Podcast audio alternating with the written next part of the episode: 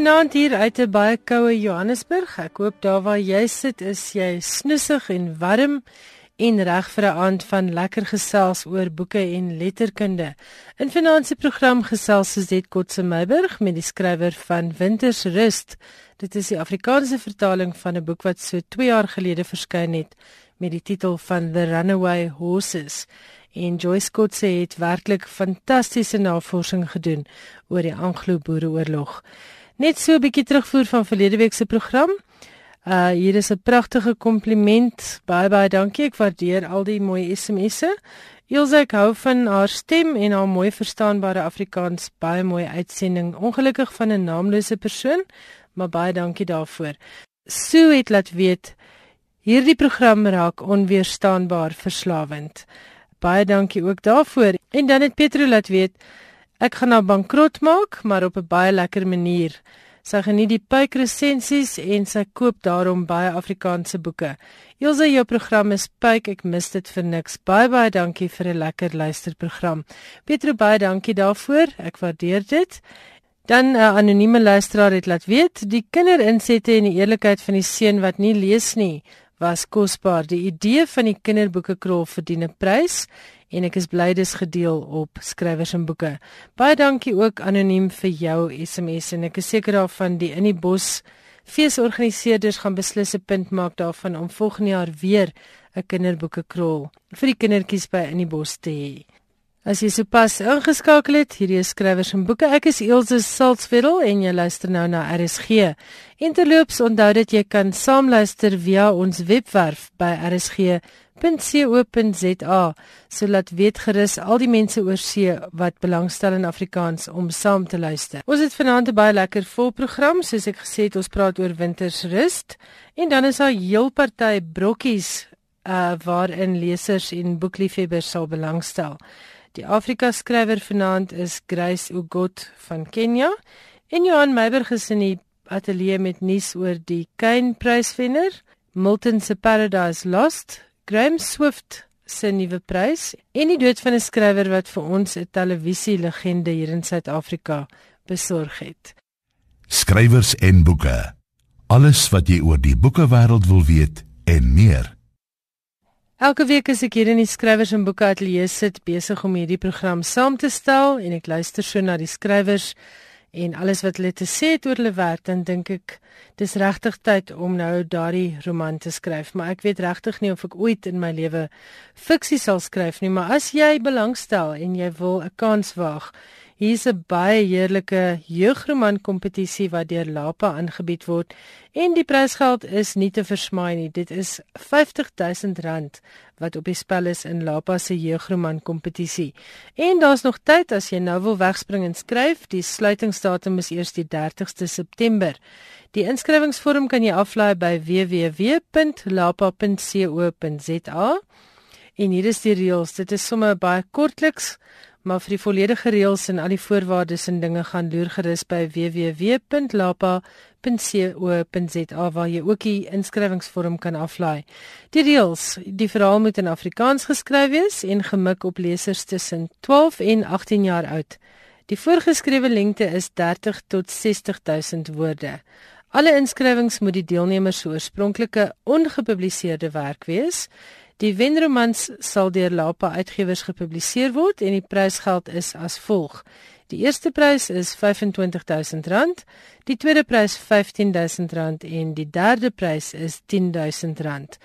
As jy dalk nou net in die vertrek ingestap het en jy hoor net hier's geld om te wen, gaan loer gerus op Lapa se webwerf by www.lapa.co.za www.co.za. Ons het nou net gesels oor die jeugroman kompetisie. Die sluitingsdatum is die 30ste September.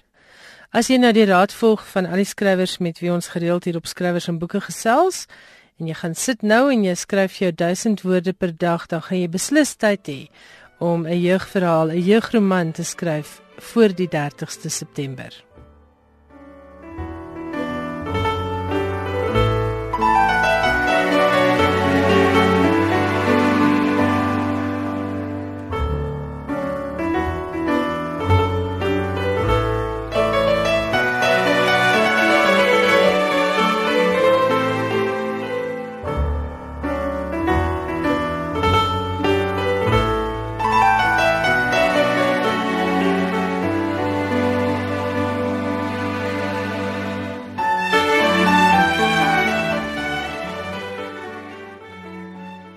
Ek het gedink oor oorlogseun en oor soldate en wilde pere. Jare gelede toe ek in Kaapstad gestudeer het, het ek hulle op die Kaapse vlakte gesien. Ek het hulle ure lank van die kraanse af dopgehou. Die leier, Hanks, het dit in sy kop gekry om te hardloop. Niemand sal ooit weet hoekom nie. Miskien het hy 'n droom gehad, wie sal weet. Hy snuif aan die lug, kap met sy voorpote op die grond, draai in die ronde al om die trop. Dan begin hy in kringe hardloop, al hoe groter kringe. Die trop volg hom, eers stadig, dan dreun hulle weg, vinniger en vinniger. Die kringe word al hoe wyer tot hulle myle in die veld afgelê het. Dis 'n pragtige gesig. Met maanare wat wapper en oopgesperde neusgate en die krag, die krag waarmee hulle hulle self aanvuur. Maar dan verander dit in 'n stormloop, 'n waansinnige wegvlug van 'n onsigbare, onbekende vrees. Hulle bly by mekaar as 'n beskerming teen daardie waansin wat hulle voortjaag maar sommige voel die nutteloosheid daarvan aan om by mekaar te bly. Hulle weet hulle sal in mekaar sak van moegheid en doodgaan. Daarom breek hulle weg. Hulle hardloop van die trop af weg. Dit was Suzette Kotse Meiburg wat vir ons 'n stukkie voorgeles het uit Joyce Kotse se debuutroman Winters Rust. Dit is die vertaling van haar baie gewilde The Runaway Horses wat al meer as eenmal herdruk is. Nou hierdie stukkie wat Suzet voorgeles het is nogal belangrik want dit dui op die titel van die boek. Luister gerus na hierdie lekker gesprek in ons Kaapstad se ateljee. Aan die woord is Suzet Kotse Meiburg wat gesels met die skrywer Joyce Kotse. Joyce, baie welkom by ons in die ateljee. Baie dankie Suzet dat jy vir my gevra het om hierheen te kom. Ek sien uit daarna om met julle te gesels. Ons gesels oor jou boek Wintersrus, maar dit is eers in Engels gepubliseer, nie? Ja, dit is eers as Runaway Horses in 2015 in Engels gepubliseer. En dit was 'n baie groot sukses. Dis 'n boereoorlogroman. Wat het jou laat besluit om oor die boereoorlog te skryf? Die boereoorlog is deel daarvan. My oumas en my oupas het uh redelik baie oor dit gesels want hulle was as jong mense in die oorlog self.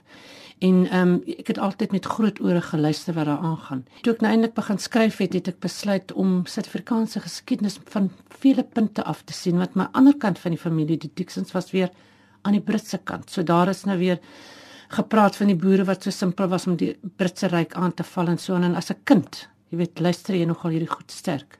Dit ek besluit wel omdat ek nou al hierdie persoonlike goed gehoor het by my ouma, hulle het 'n persoon wat daar was, sal ek daar begin die oorlog maak die laaste deel van die boek uit, maar ek moes eers karakterisering doen om te sorg dat jy die karakters goed ken, veral die Britse karakters, om te sien dat jy die oorlog van enige oorlog, enige strydsituasie van twee kante af moet sien. Ja, want dit is hmm. regtig iets uh, uitsonderliks van jou boek. Ek dink die meeste oorlogromans word uit een hoek geskryf en dit is net makliker.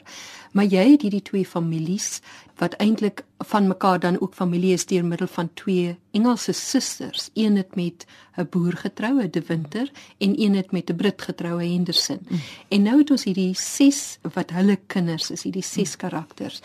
En jy het aan die De Winterkant het 'n mens uh, Martin, dan die susters Stefanie, die tweeling Karel en Rudolf en dan aan die Henderson kant is daar Charles en James. Het jy 'n gunsteling gehad onder hierdie ses Ja, ek het baie van James gehou want is lekker stad en ek het nooit geweet wat hy gaan doen in die boek nie en jy weet hy was 'n baie impulsiewe karakter. So hy het my nogal verras en so aan.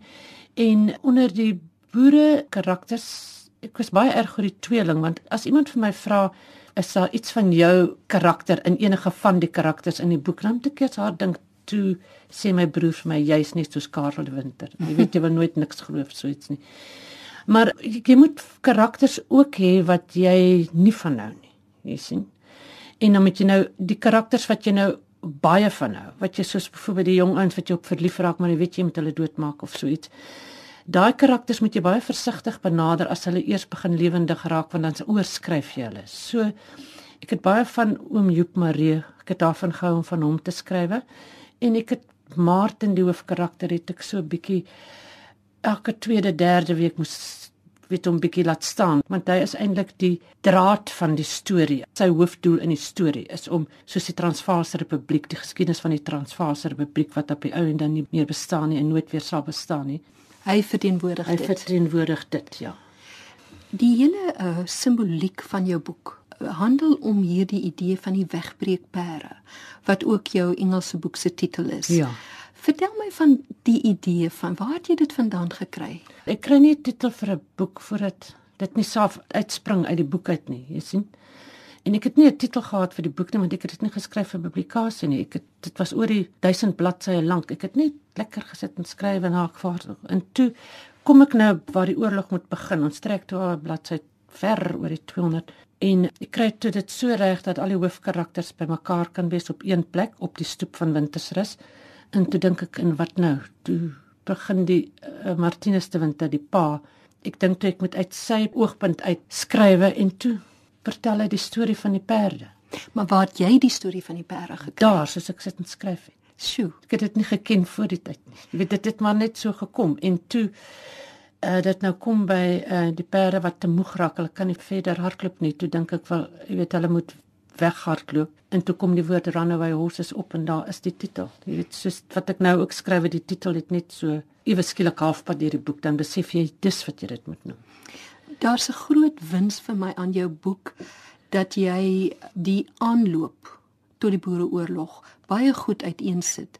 En 'n mens kry die indruk hoe hierdie oorlog eintlik 20 jaar gevat het om amper wil mense sê eh, tot stand te kom. Hy het nie sommer net begin nie. Dit is 'n geskiedenis wat ver terugloop, beginnende by die Eerste Vryheidsoorlog 1880-1881 wat die boere gewen het met die slag Ja. van Majuba. Mm. En dan kom jy by die tweede wat amper 'n proefloopie was en dit was die Jameson inval Ja. in 1895. Brei so 'n bietjie uit oor die Jameson inval en hoe dit skakel met die Boereoorlog. Na die eerste Anglo-Boeroorlog 1881 is uh, Majuba dag gewees en en toe was daar nog nie eintlik goeie verbinding met Engeland nie so hulle kon nie sê stuur nog troepe of dit is nou waar ons sit nie so toe maak hulle vrede en hulle het dit geteken. En toe word die goudmos ontdek in 1886. En toe begin Rhodes en Milner Milner was toe nog 'n sir nie 'n lord nie en hulle het toe begin die empire was so groot toe so dit finansiëel was dit weet Indië en al die kolonies was 'n groot druk op die empire en hier is die rykste goud in die wêreld net soos wat hulle met die diamante gemaak het van Kimberley. Dit hulle dit gekoop by president Brandt en dit is hoekom Bloemfontein 'n modelstaat geword het al die Britse geld. Toe die goud ontdek is en toe wil hulle nou eers kyk uh, is dit ryk genoeg goud? En toe sien hulle hoe erg ryk dit is. Toe begin hulle hierso krap en daarso krap en so aan en op die ou end. Toe kon Rhodes en sy manne nie meer wag nie. Toe het hulle uh, vir Jameson in Botswana die ou Bechuanaland met sy 700 man laat bymekaar kom en gedink ag wel ons kom by Johannesburg uit. Maar natuurlik was die boere te slim vir hom. Jameson was in Lady Smith toe Lady Smith beleer was, was hy in Lady Smith vasgevang soos Rhodes was in Kimberley vasgevang gedurende die beleg van die twee stede. En dit het die boere omtrent kwaad gemaak want ek meen dit is onregverdig. Dit is soos ek gaan dit net maar sê dis uh, president Bush wat die olie wou gehad het in Irak en daar bom het hom tot in die Middle Ages terug en vat alles en maak, jy weet, dit Ja. is presies dieselfde. Geskiedenis herhaal hom so deur die eeue. Engeland was bereid om 250 000 man op te offer vir 3 jaar en ek weet nie hoeveel biljoene geld dit Ja. gekos het nie. En hulle het gekry wat hulle wil hê. So. En op die ou end eh, kry mense ook die gevoel van dat dit gegaan het oor eer. Die groot empire kon nou nie meer verloor teen hierdie klomp boere nie. Die boere is uitgemaak net as hierdie ou klomp takhare. Maar die met die Jameson inval, ek het dit nie voorheen nog besef in die geskiedenis dat dit toe eintlik vir Kreer hulle aangespoor het om die boere te begin bewapen en soos jy daar beskryf hoe hulle die kanonne begin kry het uit Duitsland, Frankryk, Holland het hulle mm. oral hulp oorseese hulp mm. gekry en die wapens begin aankoop en die Mausers wat toe nuut was en mm. die boere begin bewapen. Maar van die hele boereoorlog, elke keer as ek daaroor dink, dan dink ek die mees onverstaanbare deel van hierdie oorlog is seker generaal Piet Cronje. Hoe het jy Piet Cronje verstaan en sy rol in die boereoorlog?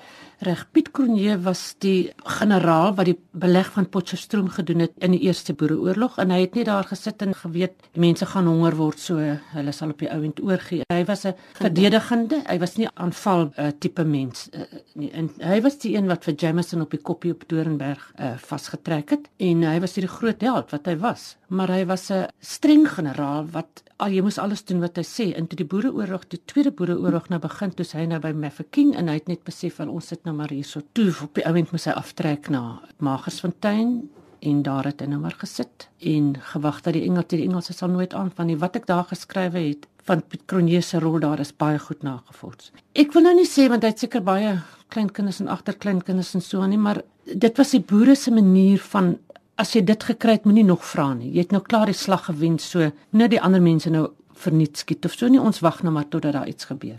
As hy besef het dat hy soos te wet en almal vir hom gesê het, kyk, ons moet nou aanval terwyl ons tyd het, want hier kom baie Engelse aan, dan sou dit gewerk het. Sou die oorlog heel moontlik anders ja, verloop? Uh, anders, maar dit sou ons het hulle sou nooit gewen het nie, maar dit sou ja. anders verloop het.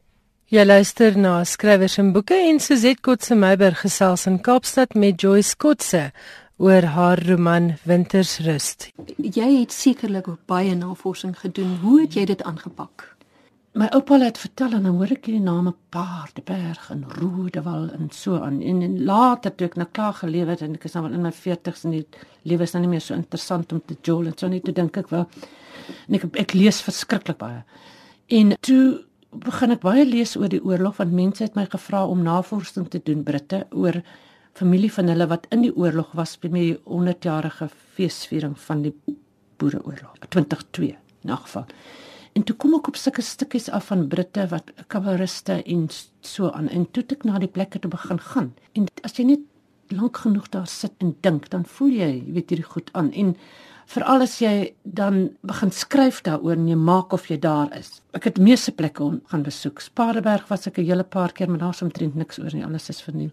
Magersfontein word goed opgepak. Colenso is omtrent nou net teerpaaie in in Swaan, maar tog sê lees daaroor. Meeste van die goed wat jy lees is in Engels. Jy kry bitter min in Afrikaans. En dan het ek 'n hele geskiedkundige lyn uitgeskrywe en dan het ek begin besluit, okay, hier het iets lekker gebeur, so die een karakter moet daar in Swaan.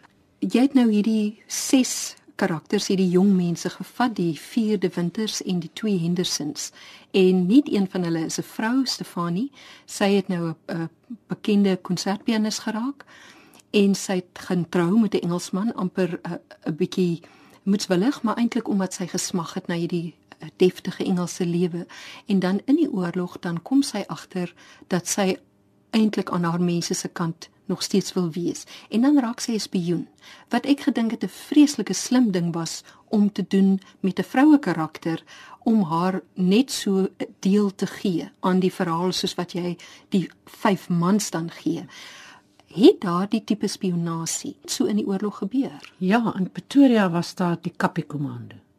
En hulle het daarso is boerevrouens gewees en ouer vrouens en jonger vrouens en hulle het goed uit die stad uit gesmokkel. Ek weet nou nie hoe nie, seker met 'n werker, maar hulle het goed uitgesmokkel en het hulle briewe geskrywe met ehm um, dink suurlemoensap. As jy skryf nou eers 'n regte brief en dan skryf jy met suurlemoensap tussen en wat jy mos nou nie kan sien nie, dan kom dis nou wat als as ek gelees het, dan kom dit by die ander kant uit wie dit moet bereik en dan sit jy dit blykbaar teen 'n kers en dan kan jy net sien wat daar geskryf staan. Hulle het vir 'n posbus gehad in Pretoria of in Johannesburg en dan plaas om briewe te gaan haal, sit hulle briewe in. Daar was 'n boek die Kappie Kommando. Ek kry dit nou net nie meer in die hande nie, maar dit het definitief gebeur. Een van hulle was 'n van 'n Merwe vrou, sy het later in die tronk beland in Johannesburg, maar sy het die oorlog deurmaak, maar daar was definitief boere, vroue, sê spioene en nuusaandraers helpers. Waar is besluit om die boek te vertaal? Wie het daai besluit geneem? Jonathan Ball. En uh, ek het saamgesê ons het daaroor gepraat te besluit ons ons vertaal dit want dan bereik dit die mense dit is in Engels uitgegee sodat die Engelse Suid-Afrikaners ook van die oorlog self moet lees. En vir die Suid-Afrikaners om te besef kyk daar's 'n ander kant van hierdie oorlog ook gewees. Daar was mense wat aan 'n leer behoort het. En wie ook al jou land besluit is jou vyand is jou vyand. Weet nie 'n keuse nie as jy militêr jou beroep is dan moet jy maar gaan oorlog maak. So nou het jy jou neefs wat jy moet oorlog maak en jou vriende want jou land het besluit Engeland dit is nou die die vyand En om toe met Afrikaans te vertaal want ek wou dit baie graag gehad het dit moet by die Afrikaanssprekendes soos ek en jy ook uitkom want dit is 'n lekker storie om van die Britse kant af ook te sien. Ek meen dit is mos 100 jaar gelede. Ons hoef nie meer kant te vat nie. En julle was toe baie gelukkig om Daniel Hugo as vertaler te kry want hy is 'n wonderlike vertaler en dit lees baie lekker. Het julle twee met mekaar moes skakel tydens die vertaling? Ja, hy het vertaal een deel en dan stuur hy dit vir my en dan gaan ek daardeur. En ek moet eers sê ek is baie geëerd dat hy ingestem het. Ek kon dit nie glo nie, maar in elk geval. En uh, vertaal hy die eerste deel en dan moet ek nou net daardeur lees en hier en daar my mening gee want hy is so briljant. Sy woorde is so lewendig dat dit nie nodig was nie. Hier en daar het ek glad nie die woorde verstaan nie, want dit is nie in my woordeskat nie, maar dit was absoluut 'n song. En daarna het ons heel goed klaar gekom weet so oor die uh, e-mails en ek kon nooit wag om te sien wat hy nou volgende gaan doen nie. Nee, dit baie goed gedoen.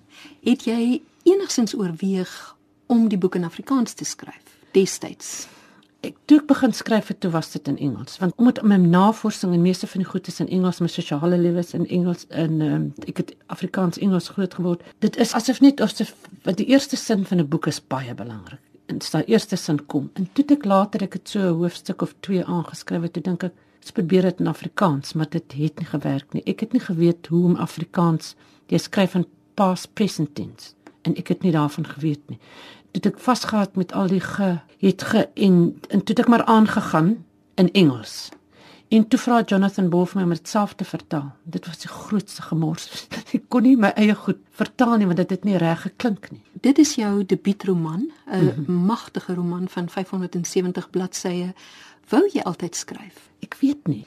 Ek lees baie en ek is baie 'n nuuskierige mens. En dan partykeer as ek 'n boek lees en ek nee nee nee, jy het nou hier verkeerd. Jy kon dit liewer so laat werk het of hierdie einde is te soetsappig of hier sou dit nou verkeerd geloop of so iets in Ja, toe ek begin skryf. Ek het net gesit en skryf en ek het nie gedink aan titels, voorblaaie, publikasie of so iets nie.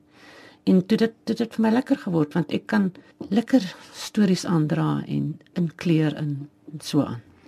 En werk jy nou weer aan iets? Ek is amper klaar. Ek werk aan twee op die oomblik. Ehm um, hierdie een uh, Beyond Forgiveness is 'n uh, eh, van die 1914 rebellie. Heeltemal anders te mense, het niks met die oorblewendes van die boek te doen nie. 1914 rebellie is iewers in die Karoo rivier en ek wil die Karoo daarin hê want die Springbok migrasie speel 'n groot rol in vergelyking met die going over the top in die Eerste Wêreldoorlog. Dan het ons die rebellie en dan raak die karakters nou baie anti-mekaar en groot gemors en so aan. En dan op die ou end kom ons by Doublewood uit en dan die wat daar oorleef want jy kan nie altyd jou hoofkarakters laat oorleef nie. Dit klink nie waar nie. Jy sien, jy moet 'n cool vra nie is jy 'n hoofkarakter of kan jy nou maar gaan of so iets nie. En dan van Dawood af gaan ons Passchendaele toe, Passchendaele en daar maak die storie klaar. Dit is om die vir die Suid-Afrikaners te laat besef dat omtrent al die rasse in die land het aan die Eerste Wêreldoorlog deelgeneem of hulle nou soldate was of hulle nou werkers was wat moet slote of afgelaai het by die dokke, verpleegsters, daar was baie Suid-Afrikaners daar en oor die 4000 is dood ek praat net van die soldate, ek praat nie eers van die ander werkers nie. Ek is bang Davelwood die slag van Davelwood gaan begin vergeet raak. Want en dan praat ek met jong mense dan sê hulle nee tannie dit was die oor dit was die Duitsers en dit was die Jode dan sê ek nee nee ek praat nou van die vorige een. So dis vir my lekker om Suid-Afrikaanse geskiedenis lewendig te hou in 'n lekker roman waar jy alles het. Jy het liefde, jy het lojaliteit, jy het kwaad word, jy het moord, jy het alles wat die lewe 'n storie lewendig maak. Ja. As ek nou kyk, jy sien of al die Suid-Afrikaanse groepe was deel van die Eerste Wêreldoorlog, maar dit geld ook vir die Boereoorlog nie. Ja. Nou in die eerste draft van the, the Runaway Horses het ek werkerskarakters ook gehad en ek het die boek in die helfte gesny. En om dit vloeibaar te laat gaan en nie te veel karakters te hê nie, het ek toe dit by daai twee families behou. Hier en daar noem ek spesifiek dat die werkers van die plase en so aan is ook na die konsentrasiekampe gestuur en wat is die syfers op die ou end van die hoeveelheid mense wat dood is in die oorlog? Die hoeveelheid uh soldate aan albei kante en dan ook die die grootste gesterfte gevalle was in die konsentrasiekampe Ja, as net een hoofstuk oor die konsentrasiekampe want te veel mense het al daaroor geskryf, maar ek moes dit net so draai daar maak. Die Britse se ongevalle was nie net alles deur oorlog nie, dit was ook toe die Modderrivier afgekom het, was die water ondrinkbaar tot hulle tyfus gekry en na so 30, 40 van hulle in Bloemfontein per dag gesterf van tyfus en ander siektes en ook in die veld want hulle was nie gewoond aan die die hitte, die koue en ook hulle het sommer enige water gedrink waar miskien uh, dit vergiftig is deur dooie diere, karkasse. So die Britte was op 250 000, dis nou gewond en dood. Dit was hulle ongevalle getal. Aan die boerekant vroue en kinders was hulle nou uitgewerk is oor die 22 000 in die kampe self, oor die 30 000 nie blanke uh in want hulle was ook in kampe gesit en omtrent geen aandag aangegee nie. Oor die 30 000 van hulle skat hulle nou en die boere se ongevalle nou vat jy die wat op die slagveld was en die wat in die op die eilande waar hulle verban is was maar 4000. Sjoe. En 200 4200. Maar as jy dink die boerevolk wat geveg het saam met die vroue en die kinders was nie eens 'n miljoen nie. Jy weet, dit was 'n baie baie klein nasie wat ook net begin het daai tyd. Joyce, ek is altyd so dankbaar vir historiese romanskrywers want dis my so lekker dat iemand die geskiedenis vat en dit as 'n storie vir my as 'n leser aanbied. So baie dankie en baie sterkte met jou volgende skryfwerk. Baie dankie. Onthou net moenie my aanjag net die boek sal kom. Ek kan nie teen uh, sperdatums werk nie, dan raak ek skoonbewerig. Baie dankie, dit was lekker om met jou te gesels. Dit was Suzette Kotse Meiburg en Joyce Kotse wat gesels het oor Joyce se boek Winters Rust. Dit is die Afrikaanse vertaling deur Daniel Hugo van Joyce se debuutroman The Runaway Horses. Winters Rust word ook deur Jonathan Bull uitgegee en kos R290. En vir iets heeltemal anders. Ek vra mos dikwels vir skrywers wat inspireer hulle? Wat is die klankbaan waarby hulle skryf? Ons het dieselfde vir Joyce gevra en sy het vir ons 'n hele lange lysie gestuur van die musiek wat haar gehelp het om The Runaway Horses te skryf. En hierdie stukkie het dadelik my oog gevang, nie net oor die kindertydse herinneringe wat dit vir my terugbring nie. My ma was 'n groot aanhanger van Ivan Rebrov en ek kan onthou dit was in die tyd voor televisie, het ons baie aande sit en plate luister. En Ivan Rebrov was gereeld op die draaitafel. Maar Luister wat skryf Joyce Kotse oor hoekom sy so gereeld na hierdie snit geluister het. In die epiloog van die boek moet die emosies van die karakters wat oorleef het, vasgevang word in 'n kort en emosioneel beheerste bladsy. Dit mag nie oor sentimenteel wees nie, maar moet tog diepte hê en ook visueel wees. En dit sien ons uit die karakter wat altyd almal se vertroue gehad het en nooit veroordeel het nie, Dr Charles Henderson. Terloops, die epiloog van 7 bladsye het my meer as 'n week geneem om na een bladsy te redigeer. Jy luister na skrywers en boeke, jou belangrikste bron oor Afrikaanse boeke. Hier is 'n heerlike uitnodiging vir nie-fiksie liefhebbers en vir mense wat dalk bande het met Angola. Die 23ste Augustus is daar 'n heerlike boekbekendstelling by Protea Boekwinkel in Burnetstraat in Hatfield. Nou die boekbekendstellings by Protea is altyd baie lekker en hierdie lyk vir my na 'n baie interessante nuwe fiksieboek. Dit is Martie Prinsloo Vogt se memoirs, 'n leeftyd later herinneringe aan Angola. Bespreek vooraf, jy moet voor die 16 Augustus bespreek by Eddington Estreisen. Sy telefoonnommer is 012 362 3444 of jy kan vir hom 'n e-pos stuur by eddington@proteaboekwinkel.com www.boekbekendstelling.com. Dit is vir die boekbekendstelling van Martie Prinsloo Vogt se memoirs, 'n leeftyd later, herinneringe aan Angola en dit vind plaas op die 23ste Augustus. Dan het ek hier 'n e-pos ontvang van Dani Maree wat gaan oor die Pen Afrikaans Vertaalfonds wat onlangs aangekondig is. Nou om die Afrikaanse letterkunde internasionaal te bevorder deur meer vertalings en publikasies van verdienstelike Afrikaanse werke kos geld en dit is presies wat hulle wil doen met die Pen Afrikaans Vertaalfonds. Internasionale aansien vir ons skrywers bevorder die statuur van die Afrikaanse letterkunde as geheel en 'n letterkunde wat nie in vertaling beskikbaar is nie, kan nie onder wêreldletterkunde gereken word nie, so lui die persverklaring deur Pen. Nou ons weet daar's heelwat van Afrikaanse grootskrywers wie se werk reeds in Engels en allerlei ander wêreldtale vertaal word. Dit is onder meer die werk van Karel Skooman, Andre P Brink, Marlene van die Kerk en Etienne van Heerden. As 'n mens nou kyk na die ernstige letterkunde, ook Breiten Breitenberg en Antjie Krog wat hulle merk gemaak het in die internasionale poësie. En by misdaadfiksie en ontspanningsfiksie dan praat ons van Dion Meyer en meer onlangs Janet Paul, Irma Joubert en ek weet 'n hele klompie van die nuwer skrywers se werk word nou ook oorsee uitgegee. Ek dink Dion nou die rekord, sy werk is as ek nou nie mis dit nie in 27 tale behalwe Afrikaans beskikbaar. Nou skryf Pen, dit is ons oortuiging dat baie meer van die huidige geslag Afrikaanse skrywers verdien om hulle werk in ander tale vertaal te sien.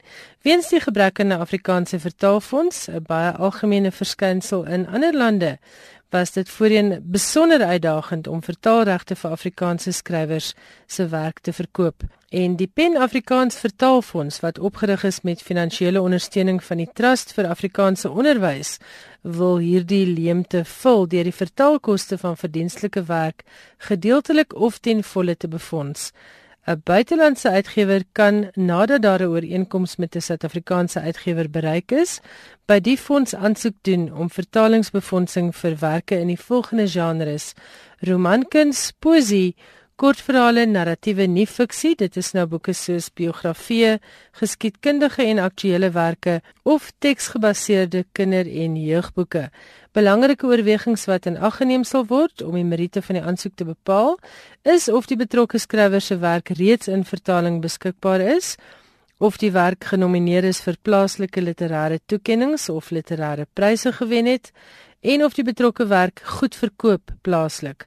Die buitelandse uitgewer se planne ten opsigte van die verspreiding en bemarking van die vertaalde werk sal ook in ag geneem word.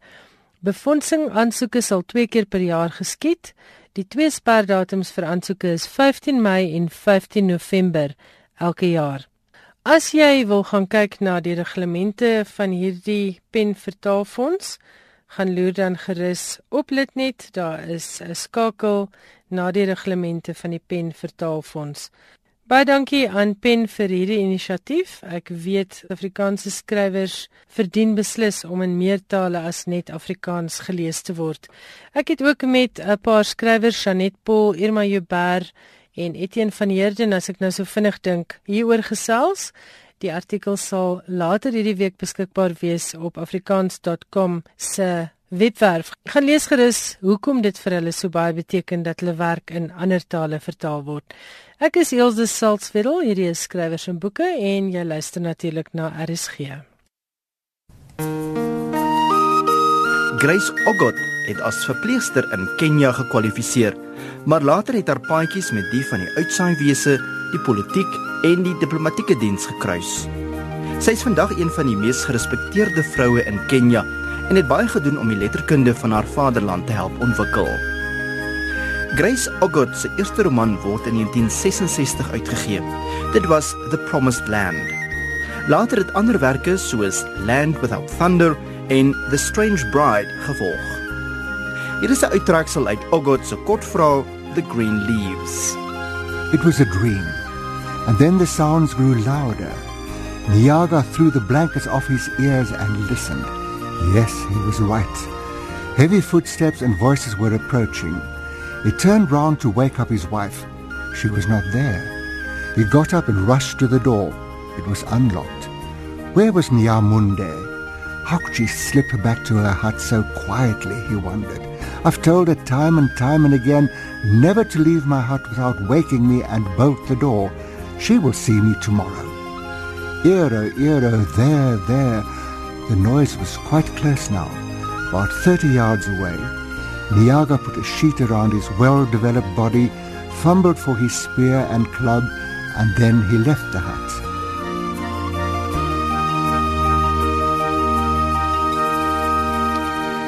Dit was dan Terrens April se reeks oor Afrika skrywers wat ek uit die argiewe gebruik. Vanaand het hy gesels oor die skryfwerk van Grace Ogot en jy het ook Wouter de Wet se stem gehoor wat vir ons voorgeles het uit haar werk. Hierdie is skrywers en boeke. Jy is ingeskakel op RSG en ek is Elsje Salzwetel. Nou eers so 'n bietjie nuus oor die ATKV skryfskool van die Noordwes Universiteit. Hulle bied van Donderdag 14 tot Saterdag 16 September weer 'n skryfskool aan in samewerking met Lapa se vroue fiksie afdeling en dit gaan oor die skryf van romantiese fiksie. Hierdie slypskool van 2 en 'n half dae wat plaasvind op die Potchefstroom kampus van die Noordwes Universiteit is 'n praktiese skolingsgeleentheid vir enigiemand wat 'n liefdesverhaal wil skryf. Het sy dit nou tydskrif kortverhale is of romanses uh, wat die dinnerweergawe is van die liefdesverhale of 'n volle liefdesroman As jy wil leer skryf, sou ek regtig hierdie skryfskool ten sterkste aanbeveel. Romanse skrywers Elsa Winkler, haar werk word natuurlik nou internasionaal uitgegee en is onder meer in Brittanje beskikbaar. Madeleine Himan, liefdesromanskrywer Sofia Kap en Lapa uitgewers se Charlene Hougaard en Clifford D Norton saam met personeel van die ATKV skryfskool gaan as aanbieders optree en fokus op die liefdesverhaal. Nou die koste vir die slypskool is R2750 per persoon. Dit sluit verblyf by die Pik Astro Villas in. Dit is deelverblyf in selfsorgeenhede en jy kry twee nagte se verblyf, oggend en middag verversings en 'n funksie op Vrydag 15 September.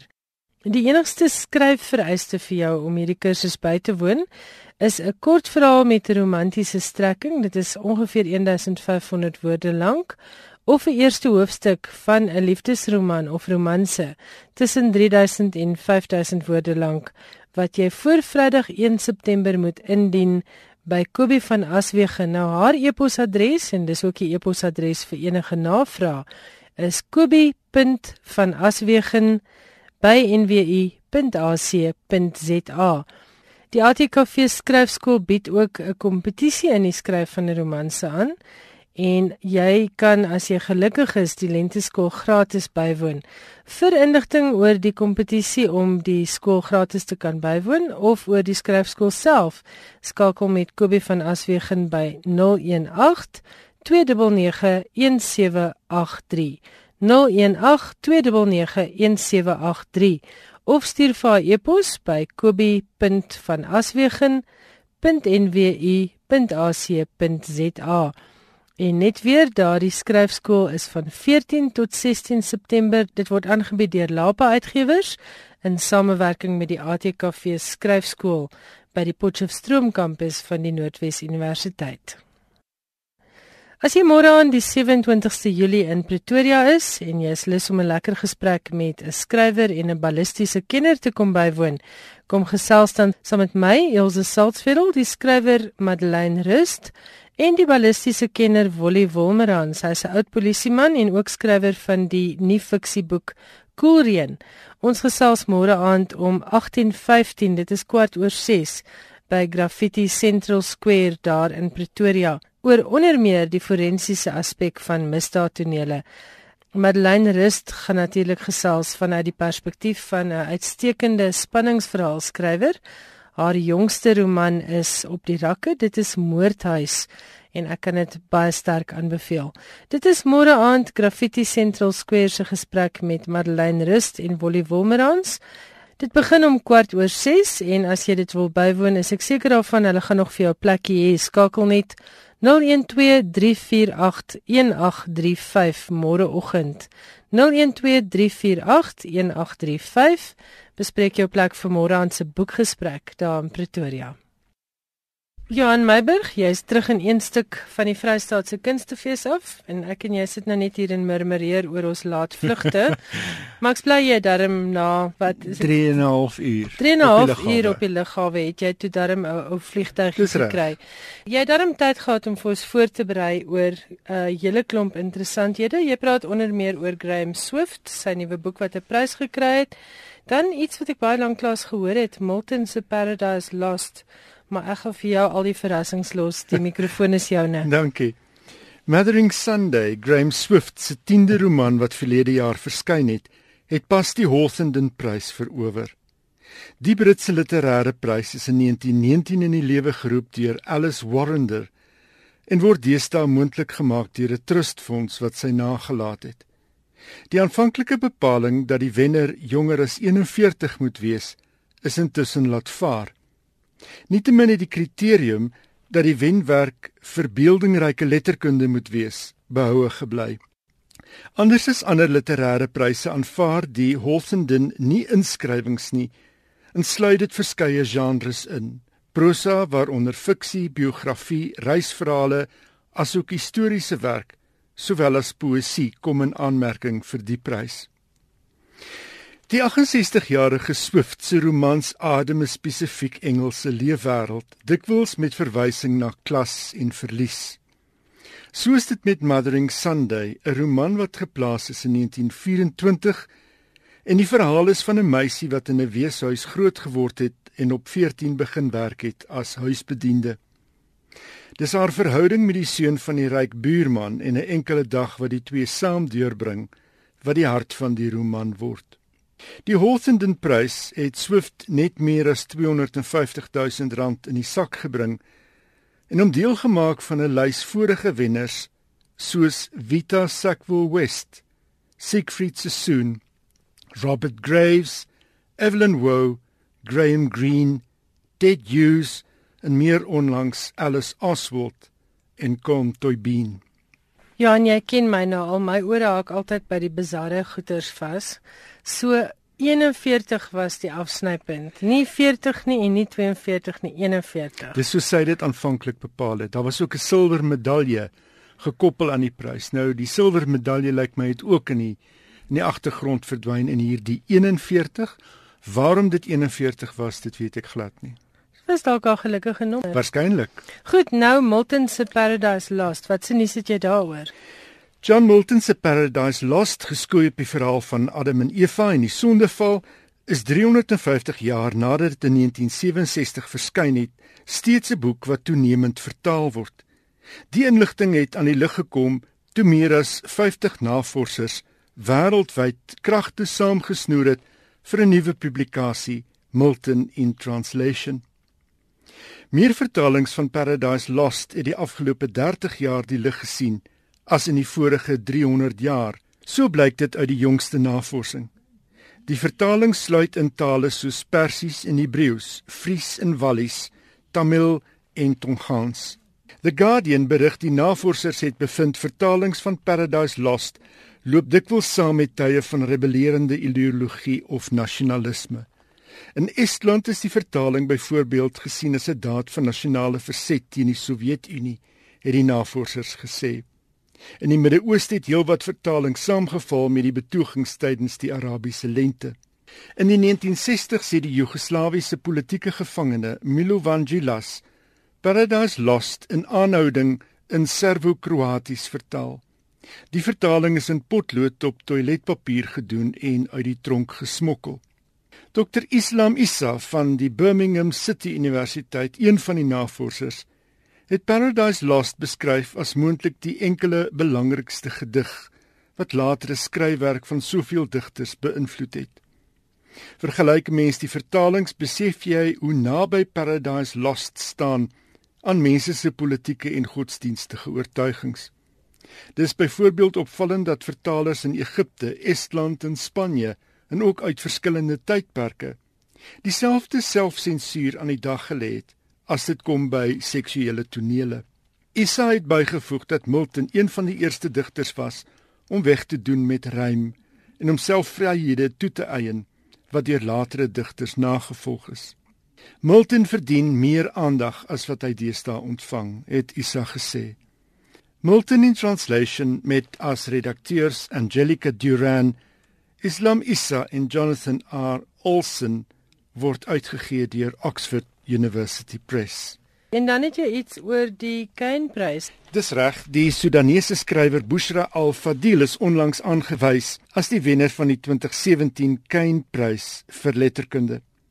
Die prys ook in die omgang genoem die Afrika Booker is aan hom toegekend vir sy kortverhaal vertaal as The Story of the Girl Whose Birds Flew Away. Op besoek aan Londen waar die prys aan hom oorhandig is, het Al-Fadil die biblioteek van SOAS, die School of Oriental and African Studies aan die Universiteit van Londen besoek, waar hy 'n vroeë uitgawe van Chinua Achebe se Things Fall Apart en ook manuskripte van Achebe in Yoruba en Engels teëgekom het. Dis 'n skande dat meesterstukke soos die nie in biblioteke in Afrika lande bewaar word nie, het Al-Fadil gesê. Ons behoort beter om te sien na ons letterkunde. Dis ironies dat daar 'n honger na Arabiese letterkunde in westerse lande is terwyl ongeletterdheid in Afrika besig is om toe te neem. Kwaliteit onderwys op die vasteland is ononderhandelbaar, het hy gesê. Dis lande soos Nigerië, Egipte en Suid-Afrika wat die voorlopers kan wees in die bevordering van 'n kultuurbedryf op die vasteland. Die 65-jarige Al-Fadil is die oudste skrywer nog om die Kainprys te verower en boonop die enigste skrywer wat die prestasie in Arabies behaal het. Hy woon sedert 1992 in Saudi-Arabië nadat hy vanweë sy politieke oortuigings uit die Sudan gesit is. Die Sudanese skrywer Leila Abu Ilela het die Kainprys wel in 2000 verower, maar in Engels. Al-Fadil se wenverhaal het in 1979 in Arabies verskyn en is verlede jaar in sy vertaalde weergawe in die bundel The Book of Khartoum opgeneem. Hy is bekend as digter, kortverhaalskrywer en kenner van Russiese letterkunde, waarin hy lektor was aan die Khartoum Universiteit totdat hy sy pos in 1992 verloor het.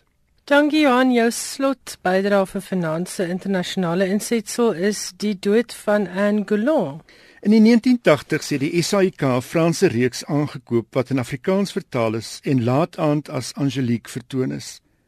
Dit was waarskynlik baie kykers se eerste blootstelling aan die skryfwerk van Anne Goulon, die Franse skrywer wat 13 boeke oor die avonture van die 17de eeuse markiesin geskryf het. Meer as 100 miljoen eksemplare van haar boeke is in die 60's verkoop. Goulons onlangs in die ouderdom van 95 net buite Parys dood. Haar man Serge wat vir die navorsing van die Angelique boeke verantwoordelik was, is in 1972 dood. Goulon was glo nie te danig oor die TV-voorstelling van haar helde nie. Te veel van 'n femme fatale het sy gemeen. Self het sy gereken Angelique is meer van 'n vryheidsvegter. Jong, ek kon daar net so vaag weg van vakansies wat ons hier in Suid-Afrika kom vakansie hou uit van Namibia waar toe nog nie televisie was nie. En ek kan nou regtig nie vaar onthou as iets wat ek sou vergelyk met 'n vroulike vryheidsvegter nie. Waarskynlik was Jean d'Arc meer van 'n vryheidsvegter as 'n femme fatale. Ja, maar ek dink nie in die populêre letterkunde van die 1970s wou hulle te veel weet van vroulike vryheidsvegters nie. Angelique was ongelooflik seksie geweest. Ja, dis wat ek onthou. Dit was, so, dit was inderdaad ja. Ek onthou nie eintlik vryheidsvegter nie, ek onthou eintlik maar sy was mooi en mense het vasgenaal voor die televisie gesit. Jan, baie dankie. Ons gesels volgende week baie weer. Baie dankie. Dit was Johan Meiberg en daarmee het ons aan die einde gekom van vanaand se program. Maar volgende Woensdag aand om 8:00 is ons weer terug. En dan gesels Corina van der Spool met SJ Nodie oor sy splinte nuwe roman Die Derde Spoel. Ek gaan ook gesels met Corlia Fourie oor 'n splinte nuwe kortverhaalbundel en natuurlik ook oor die kuns van kortverhaal skryf. Dit alles in skrywers en boeke volgende Woensdag aand. My e-posadres is skrywersenboeke@rsg.co.za en die SMS-lyn se nommer is 45770. Onthou elke SMS kos R1. As jy van ons potgoeie wil gebruik maak vir boekgesprekke, onthou jy is baie welkom. Dit is nogal handige hulpmiddels en beskikbaar op www.rsg.co.za en volg net die maklike stappe om dit af te laai. Tot ons weer ontmoet volgende Woensdag aand net hier op RSG. Totsiens.